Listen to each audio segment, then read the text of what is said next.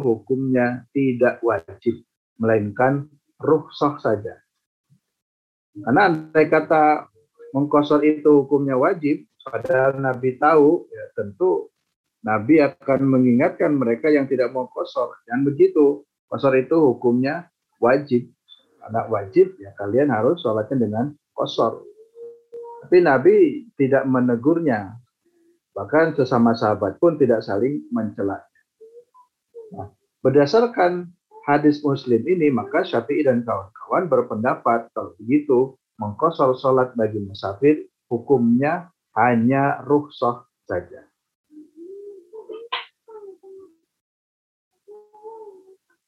Baik.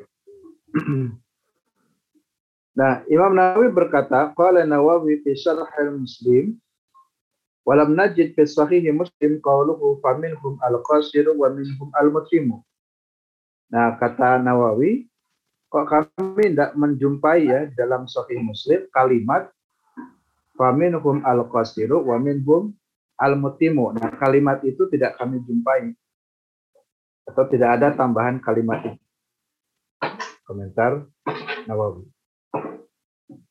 Tetapi substansi dari hadis ini ya uh, adalah untuk menunjukkan bahwa terjadi perbedaan praktek di karangan para sahabat sama-sama musafir satu dengan yang lainnya tidak saling mencela berarti menunjukkan kosor sholat bagi musafir itu bukan wajib melainkan rusak saja.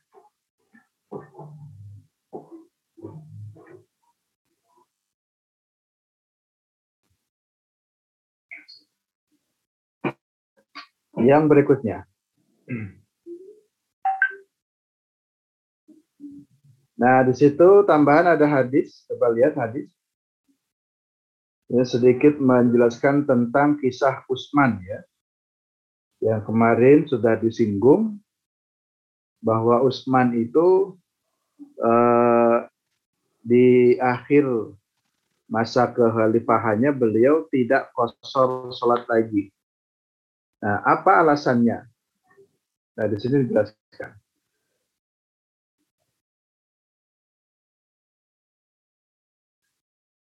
Waqad ankara al-jama' Aliyun wa Utsman lama atamma bimina wa ta'walu lahu ta'wilatun. Ini kaitan dengan Usman ya. Usman itu termasuk orang yang tidak mengkosor lagi ketika beliau musafir seperti pada hadis yang sudah dijelaskan sebelumnya. Nah, apa alasan Usman tidak mau mengkosor sholat? Para ulama mencoba mentakwilkan. Jadi ada beberapa takwil. Kira-kira alasan Usman itu apa? Kok tidak mau mengkosor salat ketika di Mina. Qala Ibnu Qayyim, nah Ibnu Qayyim berkata, ahsanuha annahu kana qad. Jadi ahsanuha di antara takwil yang paling baik yang mengatakan bahwa Utsman tidak mau mengkosor salat di Mina itu karena annahu kana qad ta'ahala bi Mina. Itu jawabannya. Qad ta'ahala. Tahala itu artinya sudah menikah, sudah berumah tangga, atau sudah menetap. Jadi Usman itu tahala di Mina, sudah menetap di Mina. Wal musafiru dan seorang musafir tidak aqama fi maudi'in wa.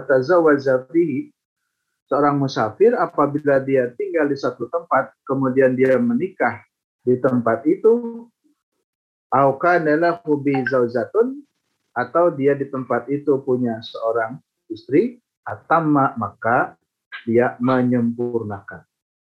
Jadi alias sholatnya tidak kosor. Jadi awal-awal bahwa Usman selalu kosor, tapi ketika di Mina itu Usman tidak mau kosor lagi. Yang pada pembahasan sebelumnya diadukan ya pada Ibnu Mas'ud. Ibnu Mas'ud mengatakan innalillah wa inna ilaihi rajiun. Kenapa? Utsman menyelisihi sunnah Nabi. Nabi kalau di Mina selalu kosor. Nah, jawabannya menurut Ibnu Qayyim di antara beberapa takwil adalah takwil yang paling ahsan, yang paling baik adalah takwil yang ini. Karena Utsman itu sudah berumah tangga, menetap di Mina. Ini berdasarkan hadis riwayat Imam Ahmad dari Utsman, anahu qala Ya Yohanna sulamma qadimtu tahaltu biha. Wahai manusia, ketika aku datang ke Mekah atau ke Mina, tahal biha, aku kemudian menikah. Ya. Menikah. Dan aku dengar Rasulullah SAW yaqulu bersabda, Ida ta'ahala rajulun di baladin, fal yusalli bihi salata muqimin. Apabila ta'ahala menikahlah sapa rajulun seseorang di baladin di satu tempat salata muqimin salatlah dia seperti salatnya seorang mukim. Nah, jadi berdasarkan hadis ini, berarti Utsman itu posisinya ketika di Mina dia sebagai seorang mukim karena sudah menikah, tinggal di situ di Mina. Karena hukum seorang mukim itu tidak boleh kosong. Nah, jadi uh, intinya kalau menikah ya, umpamanya Azmi orang Tasik, lalu istrinya Azmi Orang mana sih ya calonnya? Yang mana nih? Ya orang orang Cimahi tadi. Oh, calonnya orang Cimahi. Enggak sih. Belum tahu. Hah? Belum tahu tadi. Ya, ya.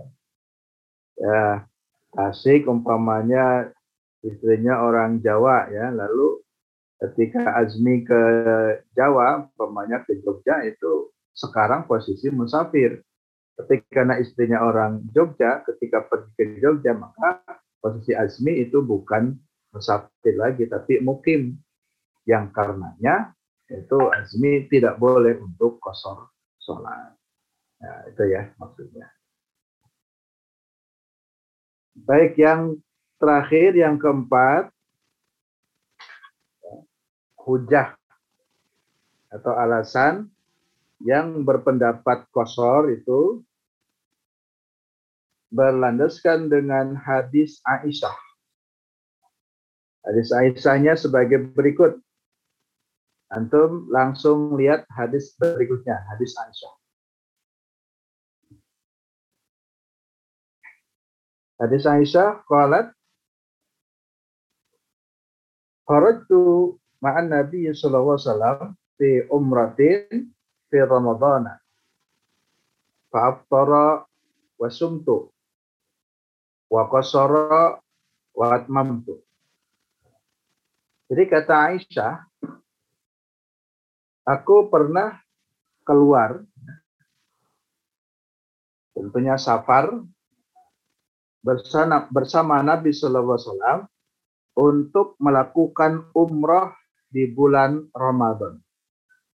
Ya. Jadi Aisyah itu pernah umroh bersama Nabi di bulan Ramadan. Jelas ini musafir ya, karena dari Madinah umroh kan ke Mekah. Nah, ketika eh, Nabi dan Aisyah itu umroh, nah Aisyah ini berbeda pendapat dengan Nabi. Fa'aftara wasumtu, kata Aisyah. Nabi aftara berbuka puasa atau Nabi tidak berpuasa Ramadan. Wasumtu sedangkan aku tetap berpuasa. Sama-sama musafir, nabinya tidak berpuasa. Puasa. Kemudian dalam kosor pun berbeda, dalam sholat maksudnya. Wa kosoro dan mengkosorlah sopo nabi wa atmamtu dan menyempurnakan sopo aku Aisyah. Nah jadi sholatnya pun berbeda. Kalau Nabi sholatnya dengan kosor selama perjalanan umroh itu, sedangkan Aisyah sholatnya tetap tam. Fakultu lalu aku bertanya. Aisyah ya, Aisyah bertanya. Bi abi wa ummi aftarta wa sumtu. Wa kasarta wa atmamtu. Nah, Aisyah tanya begini. Ya Rasul, ini bahasa ini ya, bebasnya. Ya Rasul, saya mau tanya nih. Ketika kemarin sedang umrah Ramadan, engkau berbuka atau tidak puasa, sedangkan aku wasumtu, aku puasa. Wa qasorta wa atmamtu, engkau sholatnya kosor, sedangkan aku sholatnya tam. Bagaimana ini? Faqala, lalu Nabi menjawab, Ahsanti ya Aisyatu. Benar engkau, wahai Aisyah. Artinya, di sini Nabi membenarkan ya, perbuatan Aisyah. Yang Aisyah itu tidak mau kosor sholat ketika safar. Maka perbuatan Aisyah ini dalam artian diketahui oleh Nabi dan dibenarkan oleh Nabi. Walaupun Nabi memilih kosor. Aisyah memilih tidak kosor. Maka jika dilihat hadis ini justru hadis ini tidak menunjukkan wajib kosor bagi musafir. Sehingga kosor itu sifatnya pilihan saja atau rukhsah. Ya. Jadi kebolehan bagi musafir untuk mengkosor sholat. Karena andai kata kosor itu hukumnya wajib, itu tentu harusnya menegur Aisyah. Ya, jangan begitu Aisyah. Kalau engkau musafir, maka wajib hukumnya mengkosor sholat. Tapi Nabi itu mengatakan, ahsanti ya Aisyah. Benarlah engkau wahai Aisyah. Ini perbuatan Aisyah itu dibenarkan. ya. Jadi ini menunjukkan rukhsah. Kemudian hadis Aisyah yang berikutnya, ini masih dalil yang keempat ya, berdasarkan hadis Aisyah. Wa an Aisyah radhiyallahu anha anna Nabiya sallallahu alaihi wasallam sesungguhnya Nabi sallallahu alaihi wasallam kana fis safari wa yutimmu wa yuftiru adalah Nabi Shallallahu Alaihi Wasallam. Beliau adalah mengkosor sholat ketika safar wayutimu dan juga menyempurnakan sholat ketika safar. Artinya Nabi itu kalau safar kadangkala sholatnya kosor dan terkadang pula sholatnya dengan tam menurut hadis ini. Wayuftiru wayasumu. Dan Nabi juga terkadang puasa dan terkadang tidak puasa ketika safar.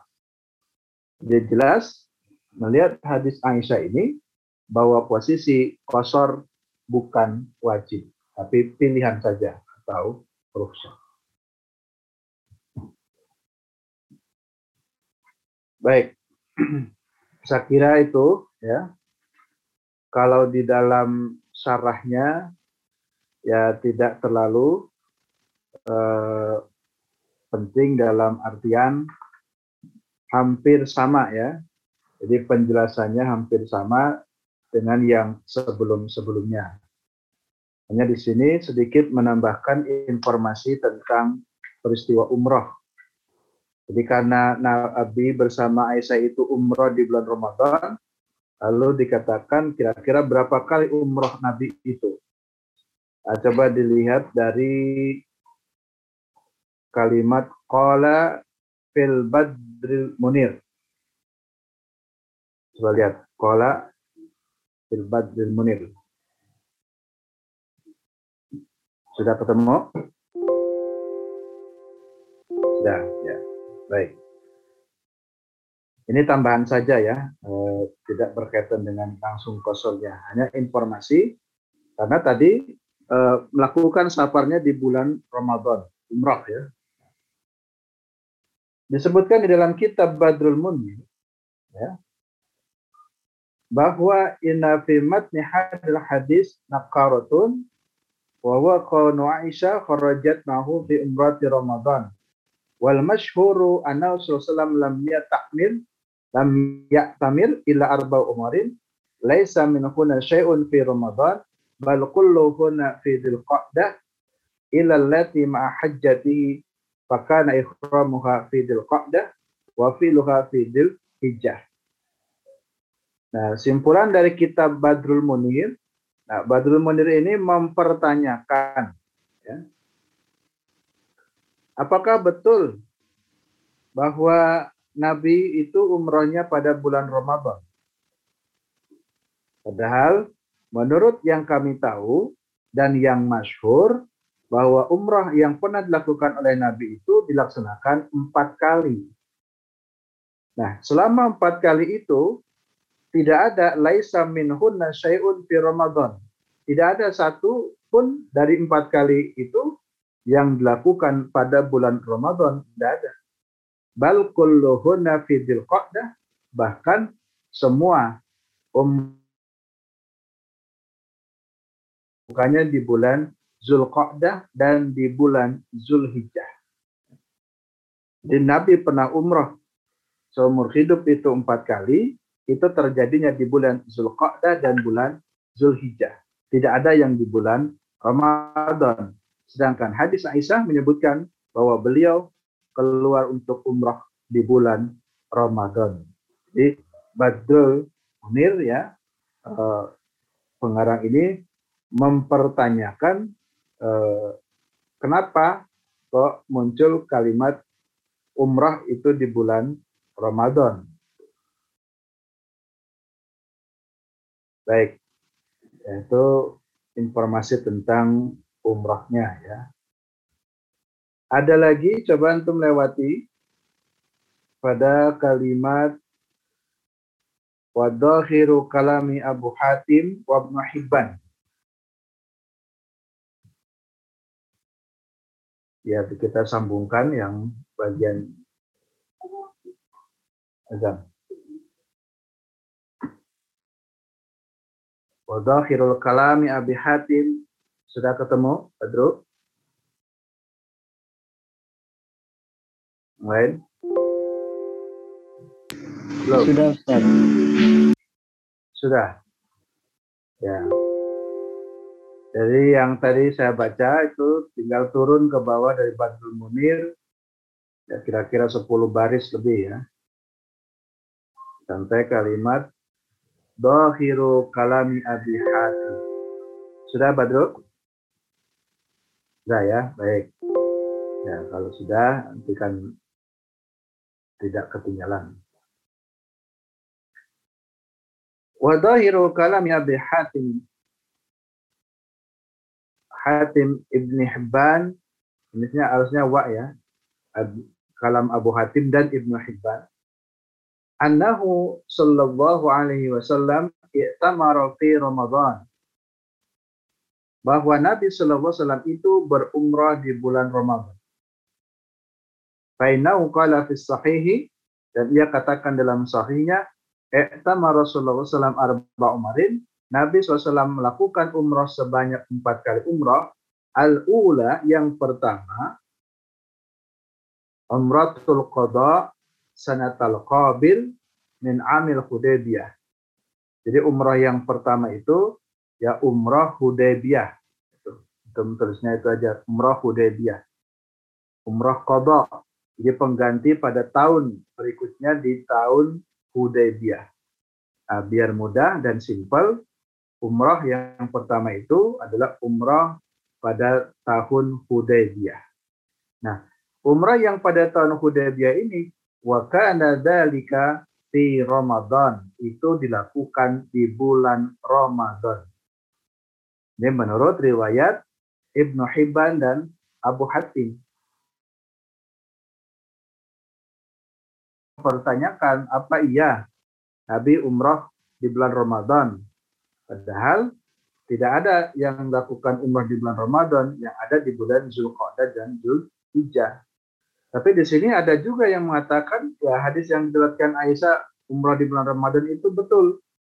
Karena empat kali itu hitungannya pertama yaitu umroh Hudaybiyah yang ini kata tanya umroh Hudaybiyah itu dilakukannya kadalika di Ramadan yang demikian itu dilakukan di bulan Ramadan. Tumasani lalu yang ketiga Haisu Fathul Makkah ketika Fathul Makkah Nah, ketika Fathul Mekah itu kan Nabi pergi ke Mekah tuh untuk uh, membuka kota Mekah ya atau perang Fathul Mekah.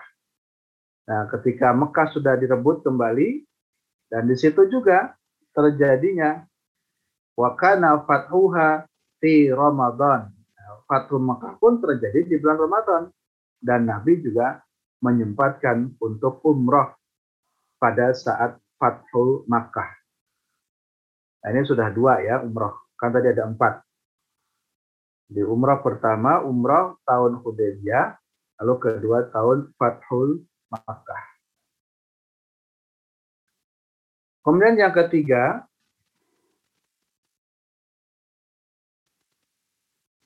Waktu minha ila Makkata wadalika fi Syawal. Beliau melakukan umrah setelah Fatul Mekah itu dan itu terjadinya di bulan Syawal. Kok langsung waktu ya? Umrah yang keempat. Yang salisahnya nggak ada di kitab ya. Bacaan salisahnya nggak ada ya.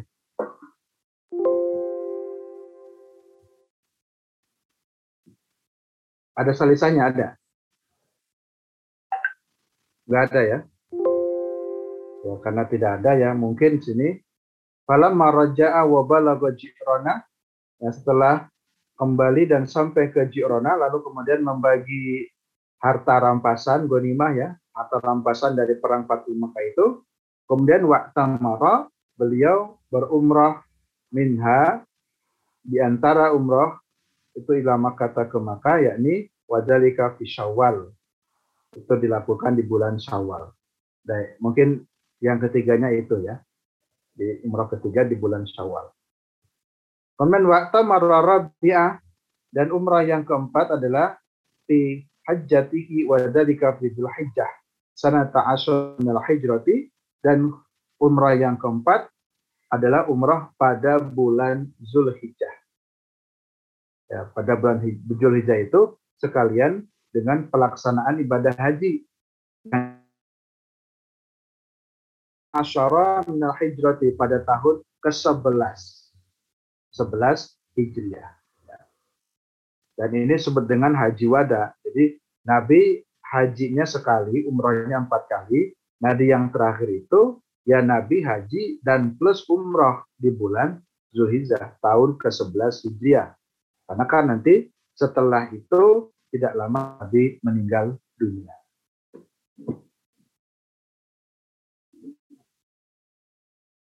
Baik, saya kira itu tambahannya ya untuk syarah dari hadis Aisyah. Selebihnya sama. Tapi inti hadis Aisyah itu untuk sebagai pendalilan dari Hujjatul Rabi'ah, alasan yang keempat yang berpendapat bahwa mengkosor sholat itu rukhsah, bukan azimah atau bukan wajib. Yang terakhir, hadis Umar. Langsung lompati hadis Umar ya. Di sarahnya kalau dibaca ya sama saja ya. Jadi menjelaskan bab kosong. Tapi substansinya sudah ditangkap sekarang hadis Umar. Wa an Umar radhiyallahu anhu annahu qala dari Umar semoga Allah meridai kepadanya ia berkata Salatus safari rakaatan Salat safar itu dua rakaat. Wa salatul adha rakaatani. Salat duha juga dua rakaat. Wassalatul fitri, salat fitri dua rakaat. Wassalatul jum'ati, salat Jumat juga dua rakaat. Dua rakaat itu disebutnya tamamun. Itu namanya tam. Min ghairi qasrin, bukan karena kosor. Ala lisani Muhammadin sallallahu alaihi wasallam berdasarkan lisannya Nabi Muhammad sallallahu alaihi Nah, yang antum cermati atau di garis bawahi itu pada kalimat salatus safari rokatan. Salat safar itu dua rokaat. Ya. Jadi siapa pun yang sedang safar, salat si musafir, ya dua rokaat itu. Dua rokaat itu adalah tam. Ya sempurna. Sempurnanya seorang musafir ya sholatnya dua rokaat. Jadi dua rakaat bagi musafir itu bukan karena min ghairi itu bukan karena sebab kosong. Sebagaimana kalau kita sholat duha dua rakaat, sholat Idul Fitri dua rakaat, nah, dua rakaatnya Idul Fitri itu ya tam, ya tamnya ya dua. Maka sholat musafir pun juga tamnya dua, bukan karena ini dikosong. Lalu sholat Jumat, rakaatnya sholat Jumat itu bukan karena sebab kosor dari duhur. Awalnya empat, di, di kosor menjadi dua. Bukan. Jadi dua rakaat pada sholat Jumat itu yaitulah tam, bukan kosor. Maka demikian pula tentang sholat musafir itu rokaatani dua rakaat, dua rakaat itu adalah tam, bukan kosor. Hadis Umar ini antum masukkan kepada pendapat yang pertama. Ini dinaikkan lagi, Mas. Naikkan untuk alasan yang pertama.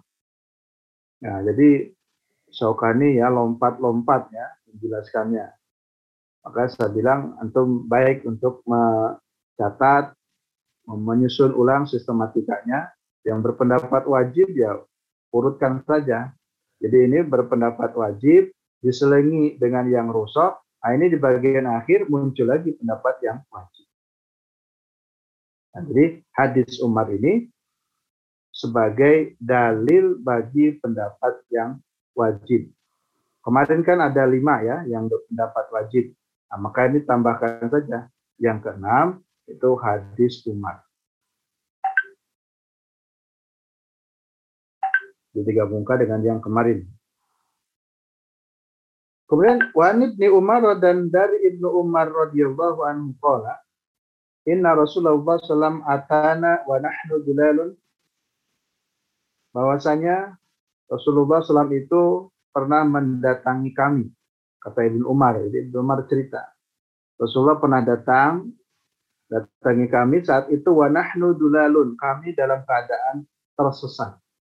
Ya, tersesat di sini tersesat jalan ya dalam safar. Bukan sesat akidah, bukan. Dia tersesat dalam safar itu Nah, sambil ngobrol-ngobrol ketika ditemui Nabi, fa'allamana fakana fi ma'alamana anna Allah azza wa jalla amarona an nusalliya raq'ataini fis safar. Rasulullah SAW itu mengajarkan kepada kami sebagaimana Allah pun sudah mengajarkan kepada Nabi yakni anna Allah azza wa amarona Allah itu telah memerintahkan kami. Ya. Jadi Allah memerintahkan kami anusalliya ini untuk sholat dua rakaat di safari ketika safar.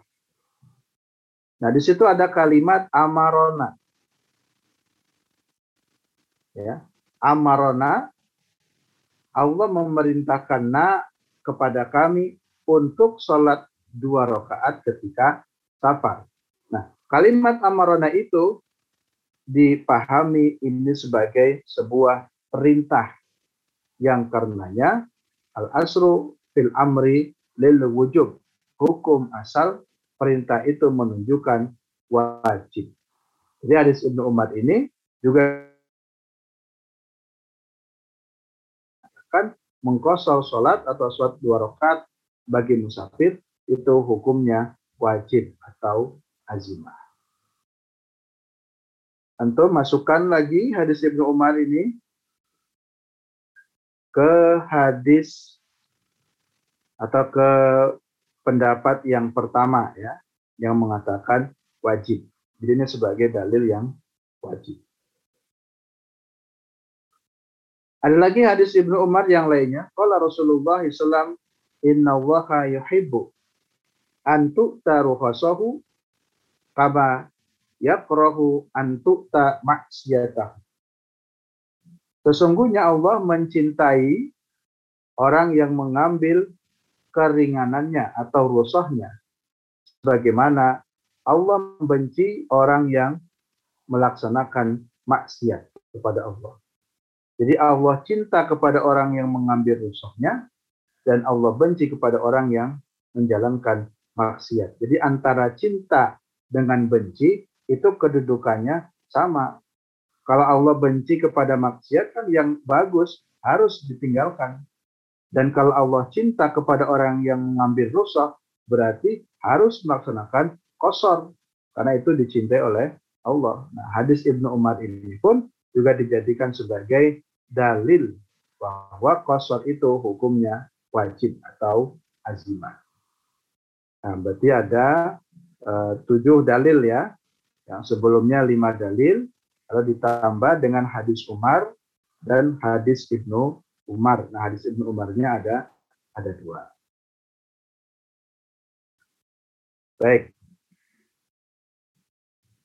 Nah, ini uh, sarahnya antum silakan baca ya. Ini untuk menguatkan penjelasan yang uh, Umar. Ini mengulang juga. Coba dilihat di baris kelima dalam sarahnya. Wa qad qala Ibnu Qayyim fil Huda. Ibnu Qayyim berkata dalam kitab Al-Huda wa huwa sabitun anhu qala wa huwa sa'ala Nabiy sallallahu alaihi wasallam ma balana naqsuru wa qad amina apa yang menyebabkan kami mengkosor padahal kami dalam keadaan aman faqala lahu rasulullah sedekatun fasadaqallahu biha alaikum faqbalu sadaqatahu. Nah, ini muncul lagi di sini. Ya, di sini kan sudah dijelaskan di awal. Jadi ini pengulangan. Ya, pengulangan untuk menguatkan bahwa itu menunjukkan wajib ya karena pada kalimat faqbalu sadaqatahu. Sedangkan Imam Syafi'i dan kawan-kawan pun menggunakan hadis sodakotun itu juga sama, tetapi dipahaminya justru itu bukan wajib, melainkan hanya rukhsah saja atau kebolehan.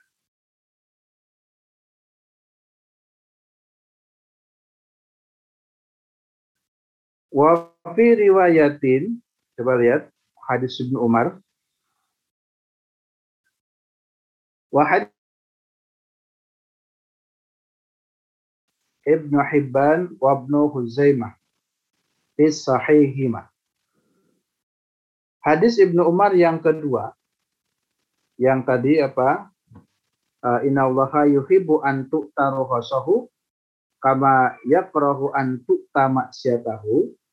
Nah, ini muncul di dalam syarah bagian-bagian akhir ya, coba antum lihat. Nah, ada juga hadis yang diriwayatkan oleh Ibnu Hibban dan Ibnu Huzaimah dalam sahihnya. Diriwayatkan bunyi hadisnya kama yuhibbu antukta azaimuhu. Kalau di dalam hadis yang pokok, kama yakrohu antukta maksiatahu. Sedangkan dalam riwayat yang lain kalimatnya kama yuhibbu antukta azaimuhu. Jadi kalau digabungkan gini, Inna allaha yuhibbu ruhasahu. Allah mencintai orang yang mengambil ruhsanya kama yuhibbu antukta azaimuhu sebagaimana Allah cinta kepada orang yang mengambil azimahnya.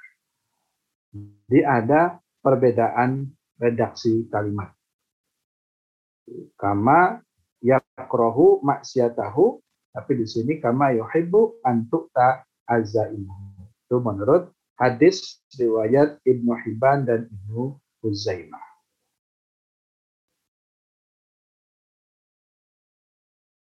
dan seterusnya ya untuk membaca sendiri Nah, terus bagian yang terakhir, bagian akhir sekali dari syarah ini, wa hadis Ibnu Umar al-awwal dan hadis Ibnu Umar yang pertama itu min adilatil qailina termasuk dalil dari orang-orang yang berpendapat di annal qasra wajibun bahwasanya qasar itu hukumnya wajib. Ya, jadi sudah saya jelaskan di awal bahwa hadis hadis Umar yang pertama nah itu juga sebagai dalil bagi ulama yang berpendapat bahwa bi anal qasra wajibun. Qasar itu hukumnya wajib karena mendasarkan kepada sabda Nabi sallallahu fakana fi ma'alamana anna Allah azza wa jalla amarona an nusalli raka'ataini fis safari. Allah perintahkan kepada kami untuk salat dua rakaat fis safari ketika safar. Waqad taqaddamal kalamu ala dalika dan ini sudah dijelaskan penjelasannya sebelum tadi ya, terdahulu sudah dijelaskan. Nah, sehingga tadi tidak saya jelaskan semuanya karena ini hanya pengulangan dan penguatan saja.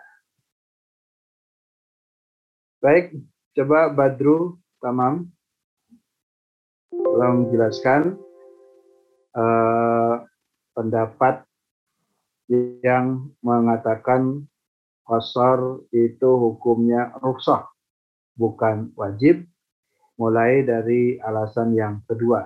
Yang pertama kemarin sudah. dua sampai empat.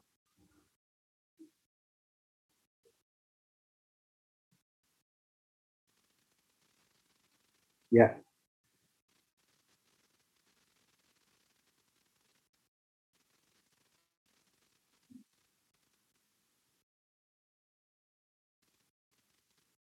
Coba di, di, dijelaskan sodakotun itu kenapa jadi rusuh kan sama-sama juga dalil itu dipakai oleh yang mengatakan wajib. Interpretasinya jadi berbeda.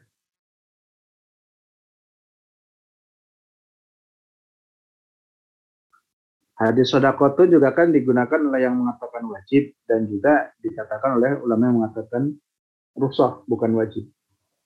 Coba kira-kira bedanya di mana Badrul? sama-sama hadisnya. Sodakotun.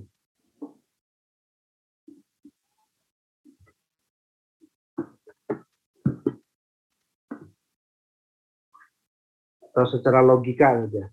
Bedanya di mana?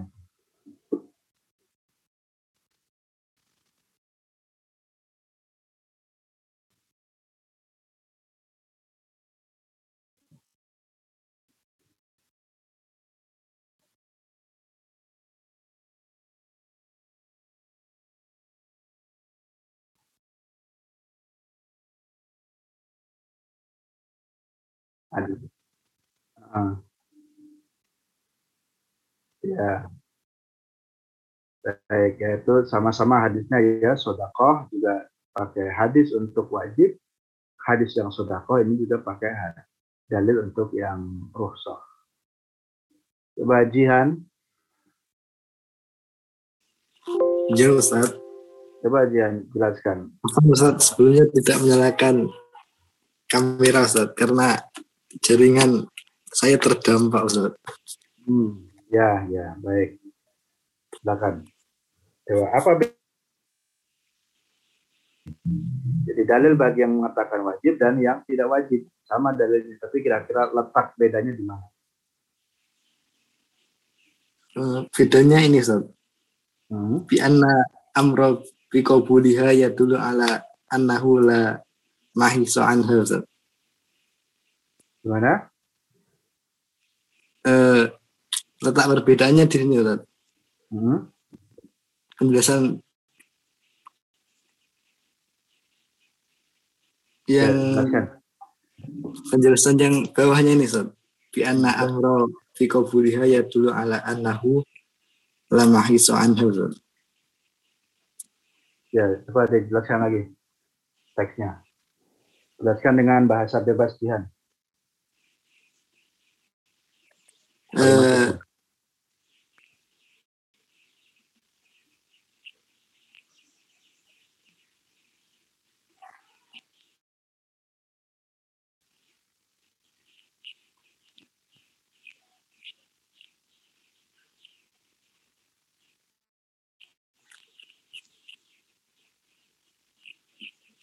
Atau secara logika saja gimana yang saya singgung. Hmm, karena Mhm. ini.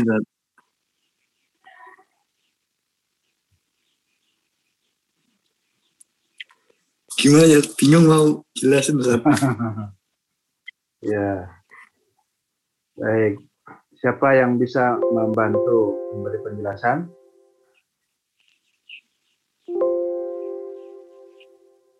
Silakan.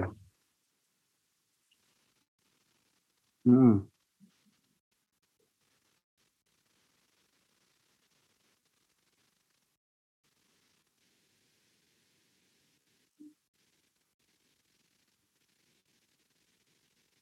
Hmm.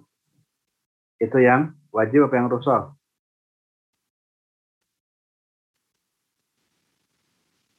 Ah, ya, nggak apa-apa. Yang wajib begitu. Kalau yang rusak gimana alasannya? Sama-sama hadisnya.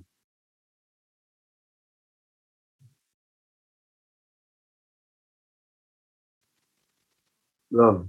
Ya, baik. Jadi hadis sodakotun tasodakallahu biha alaikum. Hadis ini sama digunakan oleh ulama yang berpendapat wajib berdasarkan hadis ini. Dan hadis ini pula digunakan oleh orang atau ulama yang berpendapat rusoh apa kosor itu tidak wajib tapi rusoh hadis ini juga sama. Nah, di mana letak bedanya? Letak bedanya itu kalau yang mengatakan wajib itu nanti dengan tambahan di tadi sudah disampaikan yang uh, fakbalu sodakotahu. Sodakotun tasodakallah biya alikum fakbalu terimalah olehmu sodakotahu sodakohnya.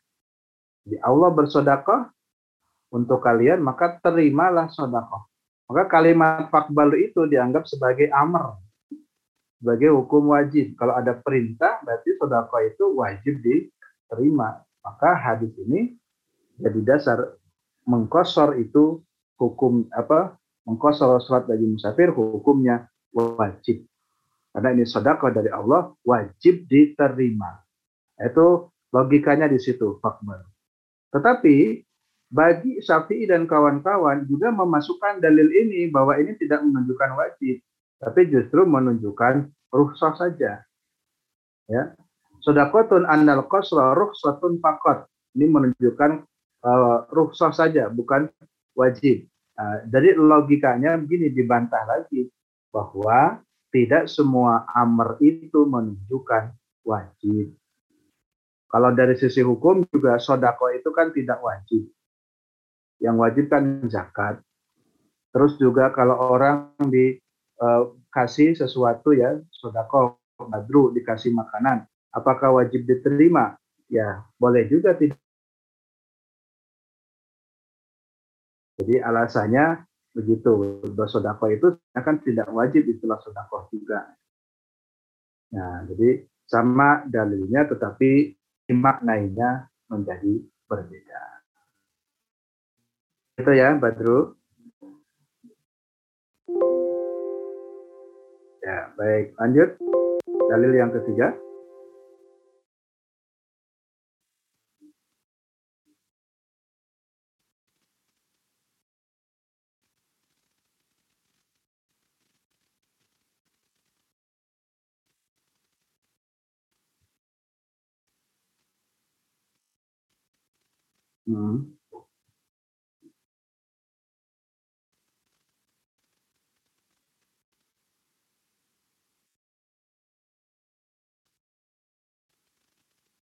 Ya, apa kata kuncinya belum ketemu? Bukan berinformasi. Yang menunjukkan bukan wajib kosor itu di mana?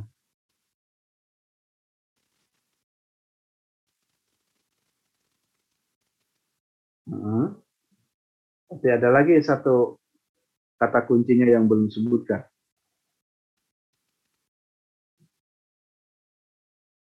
Mana yang menunjukkan ini bukan wajib kosor itu?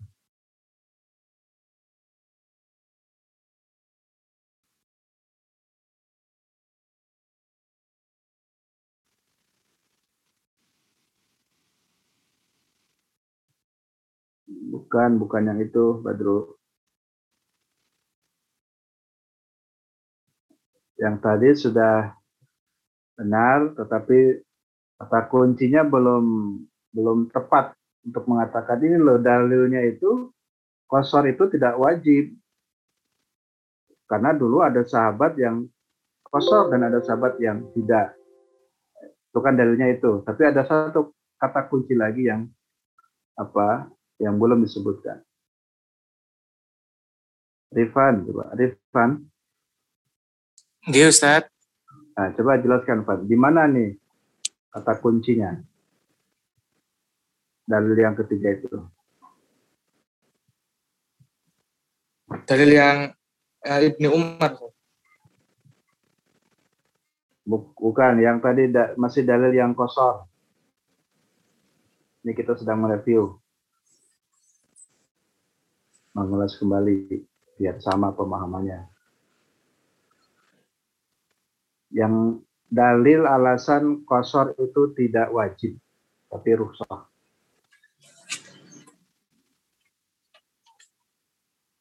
Hadis Sahih Muslim. Tadi sudah dibacakan oleh Badru. Para sahabat itu ada yang mengkosor dan ada yang tidak. Pertanyaan saya, eh, di mana yang menunjukkan bahwa kosor tidak wajibnya di mana? Kata kunci.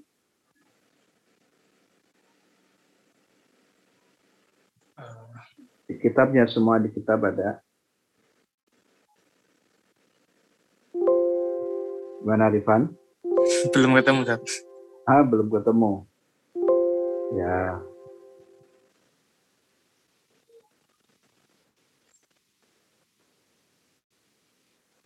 Ah, bukan.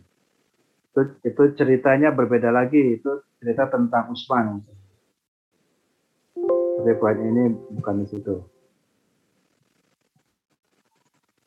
Coba siapa? Yang tidak saling menyela bukan Ustaz?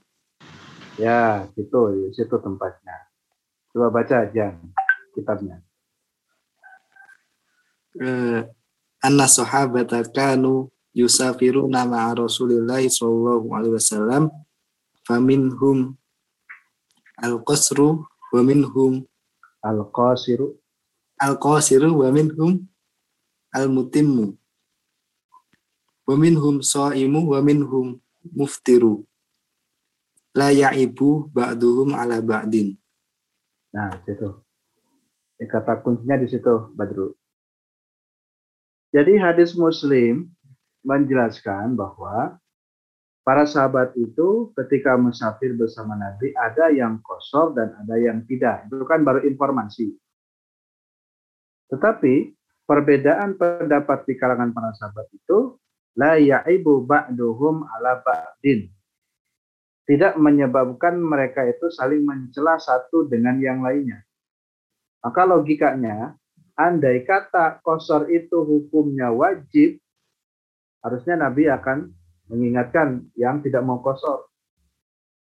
Tapi Nabi diam, para sahabat pun tidak saling mencela, berarti hadis ini menunjukkan bahwa kosor itu tidak wajib.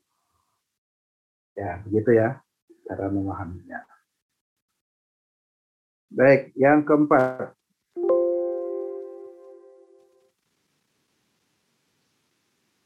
Ya, silakan.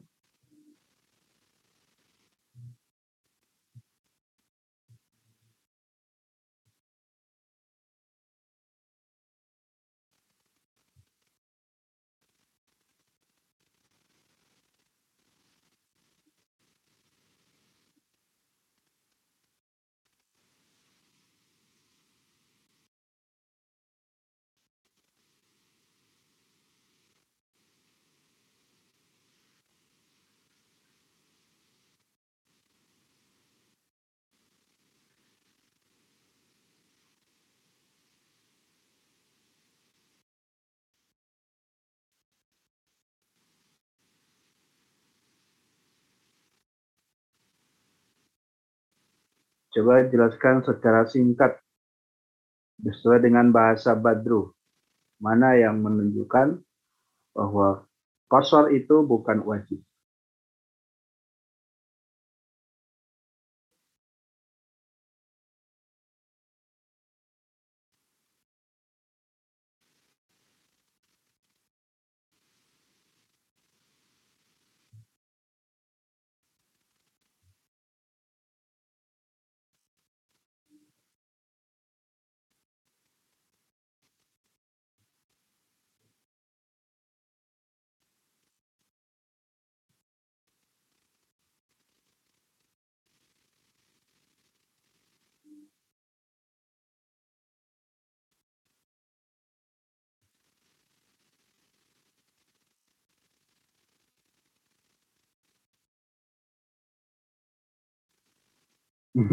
ya.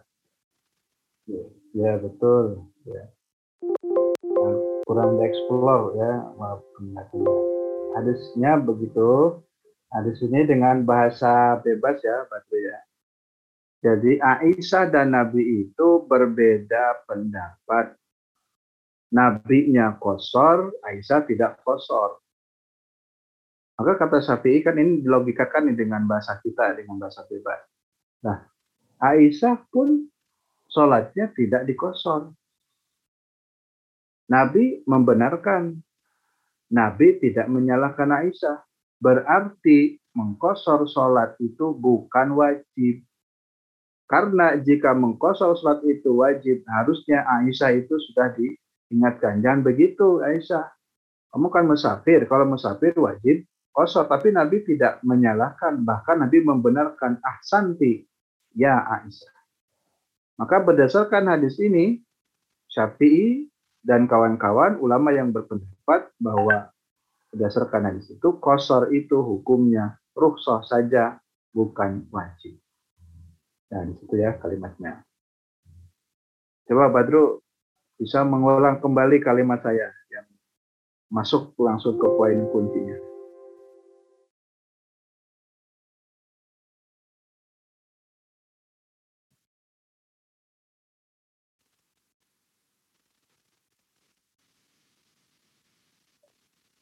Bukan yang Aisyah yang yang Aisyah.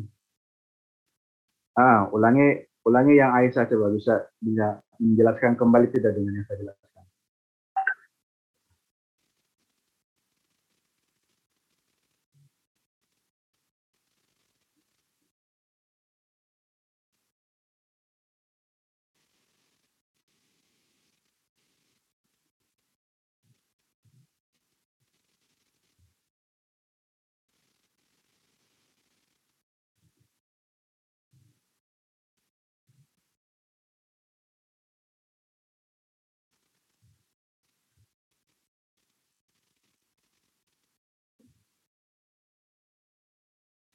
Anda kata kosor itu wajib,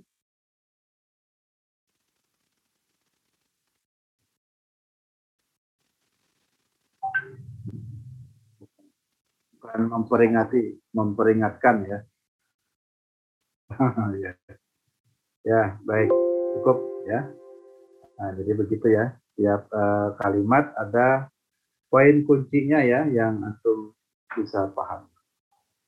Baik, yang terakhir Coba Azmi.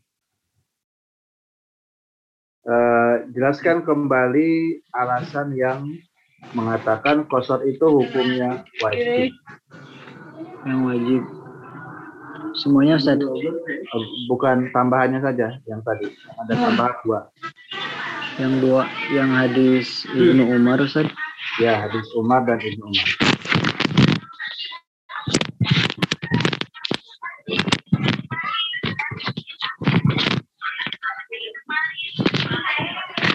Yang wajib. Sebelumnya ada lima dalil kemudian ada dua tambahan yaitu yang pertama hadis Ibnu Umar nomor 1159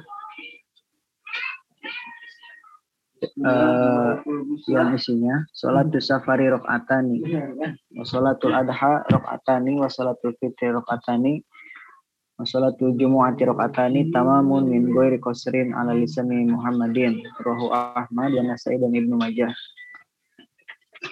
Itu yang intinya menunjukkan bahwa sholat safar itu dua rakaat. Kemudian uh, dua rakaat itu adalah sempurna, tidak kosor, bukan termasuk kosor. Aslinya musafir ya dua rakaat ya Kemudian uh, hadis selanjutnya. Tambahan yang kedua yaitu hadis Ibnu Umar nomor 1161 uh, wa an Ibnu Umar qala qala Rasulullah SAW innallaha la innallaha yuhibbu an tu'tiya ruhassuhu kama yakrahu an tu'ta maksiyatuhu rawahu Ahmad dalam hadis ini dijelaskan bahwasannya eh, Allah suka jika eh, rukhsahnya itu dikerjakan sebagaimana dia sebagaimana Allah membenci orang yang berbuat maksiat.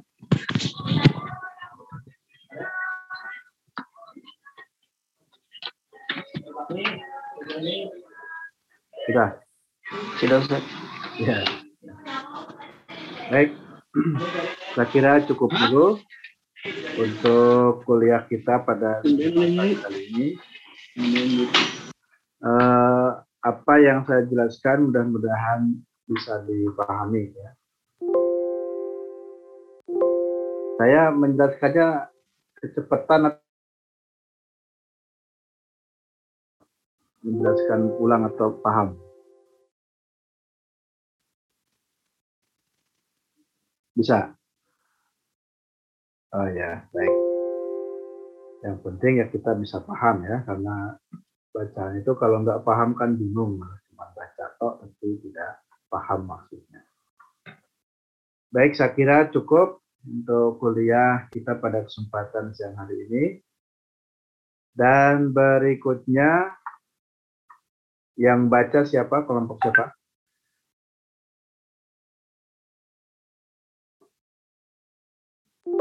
Kelompok dua Ustaz. Kelompok dua siapa? Kelompok saya Ustaz. Azmi. Oh ya. Tapi bacanya itu sudah sampai ini tadi. Eh. Yang Oh iya. Yang babu rodia Ustaz. Ya. Babura di alaman kola ida korjana harun lam yaksur ila lain. Itu Sudah sampai direkam akhir. belum? Belum Ustaz. Belum. Oh ya. Jadi yang itu direkam ya. Ya Ustaz. Satu Itu bab- sampai Oh, sampai langsung satu bab saja Oh ya, sampai akhir berarti ya sampai akhir ya, dengan sarahnya. Ya. Kemudian kelompok tiga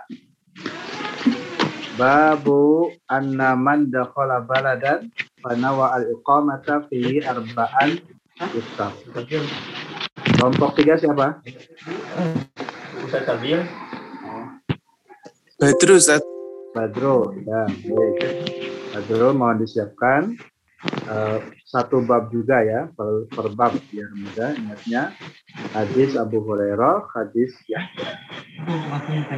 Kemudian setelah kelompok tiga, kelompok empat ya. Kelompok satu lagi. Kelompok satu lagi Ustaz. Oh, kelompok satu lagi. Ya. Baik, kalau begitu sampai kelompok tiga dulu, kelompok dua dan kelompok tiga. Kemudian yang berikutnya, kemarin saya sudah menyampaikan bahwa mulai minggu ini ini ada jadwal yang tabrakan ya dengan UAD eh, yang hari Rabunya. Kalau hari Senin tetap bisa.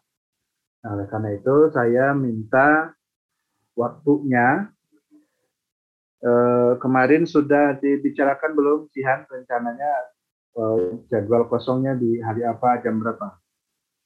Eh, kemarin dibicarakan sama teman-teman gini Ustaz. Hmm, Yang VN itu yang membaca itu dipindah ke hari Rabu Ustaz. ya itu maksudnya di hari Rabunya saya bertabrakan gimana? Nanti nggak bisa mengkawal. Ah, jadi eh, yang hari Rabu itu barengan dengan UAD kita pindahkan ke hari lain. Kalau tetap VN, cuman nanti persoalannya saya tidak bisa ikut eh, gabung diskusinya. Ya. Oh iya Ustaz. Kalau gitu kita ada pilihan di hari Ahad Ustaz jam 10. Hari Ahad ya. Iya. Ya, ya. Tapi Ahad agak banyak risikonya ya. Banyak kegiatan ya. Ustaz. Atau anu, eh, saya ada waktu itu yang agak longgar, eh, malam saja ngambilnya. Jumat malam Sabtu atau hari Sabtunya ada kosong nggak? Jumat malam Sabtu. Kalau Jumat kita ada tafsir, Ustaz. Jumat malam Sabtu ada tafsir ya? Iya, Ustaz. Oh iya iya. Kalau hari Sabtu Kosong Ustaz malam minggu. malam Minggu. Kalau harinya ada nggak? Hari Sabtunya. Hmm. Hari Sabtu kosongnya sore, Ustaz. Oh kosongnya sore ya. Paginya sudah terisi ya?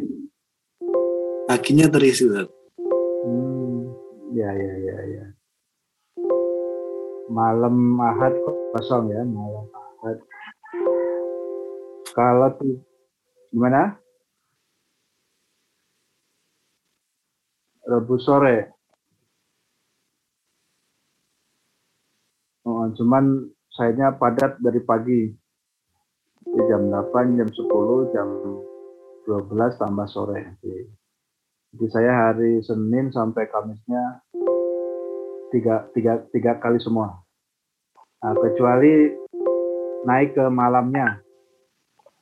Biar sorenya istirahat dulu. Nah, kalau Selasa malam Rabu, kosong nggak di malam Rabunya? Ada, Ustaz, kalau Selasa, Ustaz. Selasa malam ada ya? Ada. Kalau Kamis pagi gimana, Ustaz? Nah, Kamis pagi sudah isi semua. Rabu malam Ustaz. Rabu malam juga isi di PUTM Putri. Oh, oh, mau agak padat nih. Jadi hari Senin sampai hari Kamis itu semuanya terisi dari pagi sampai ini jam segini, jam setengah tigaan lah ya.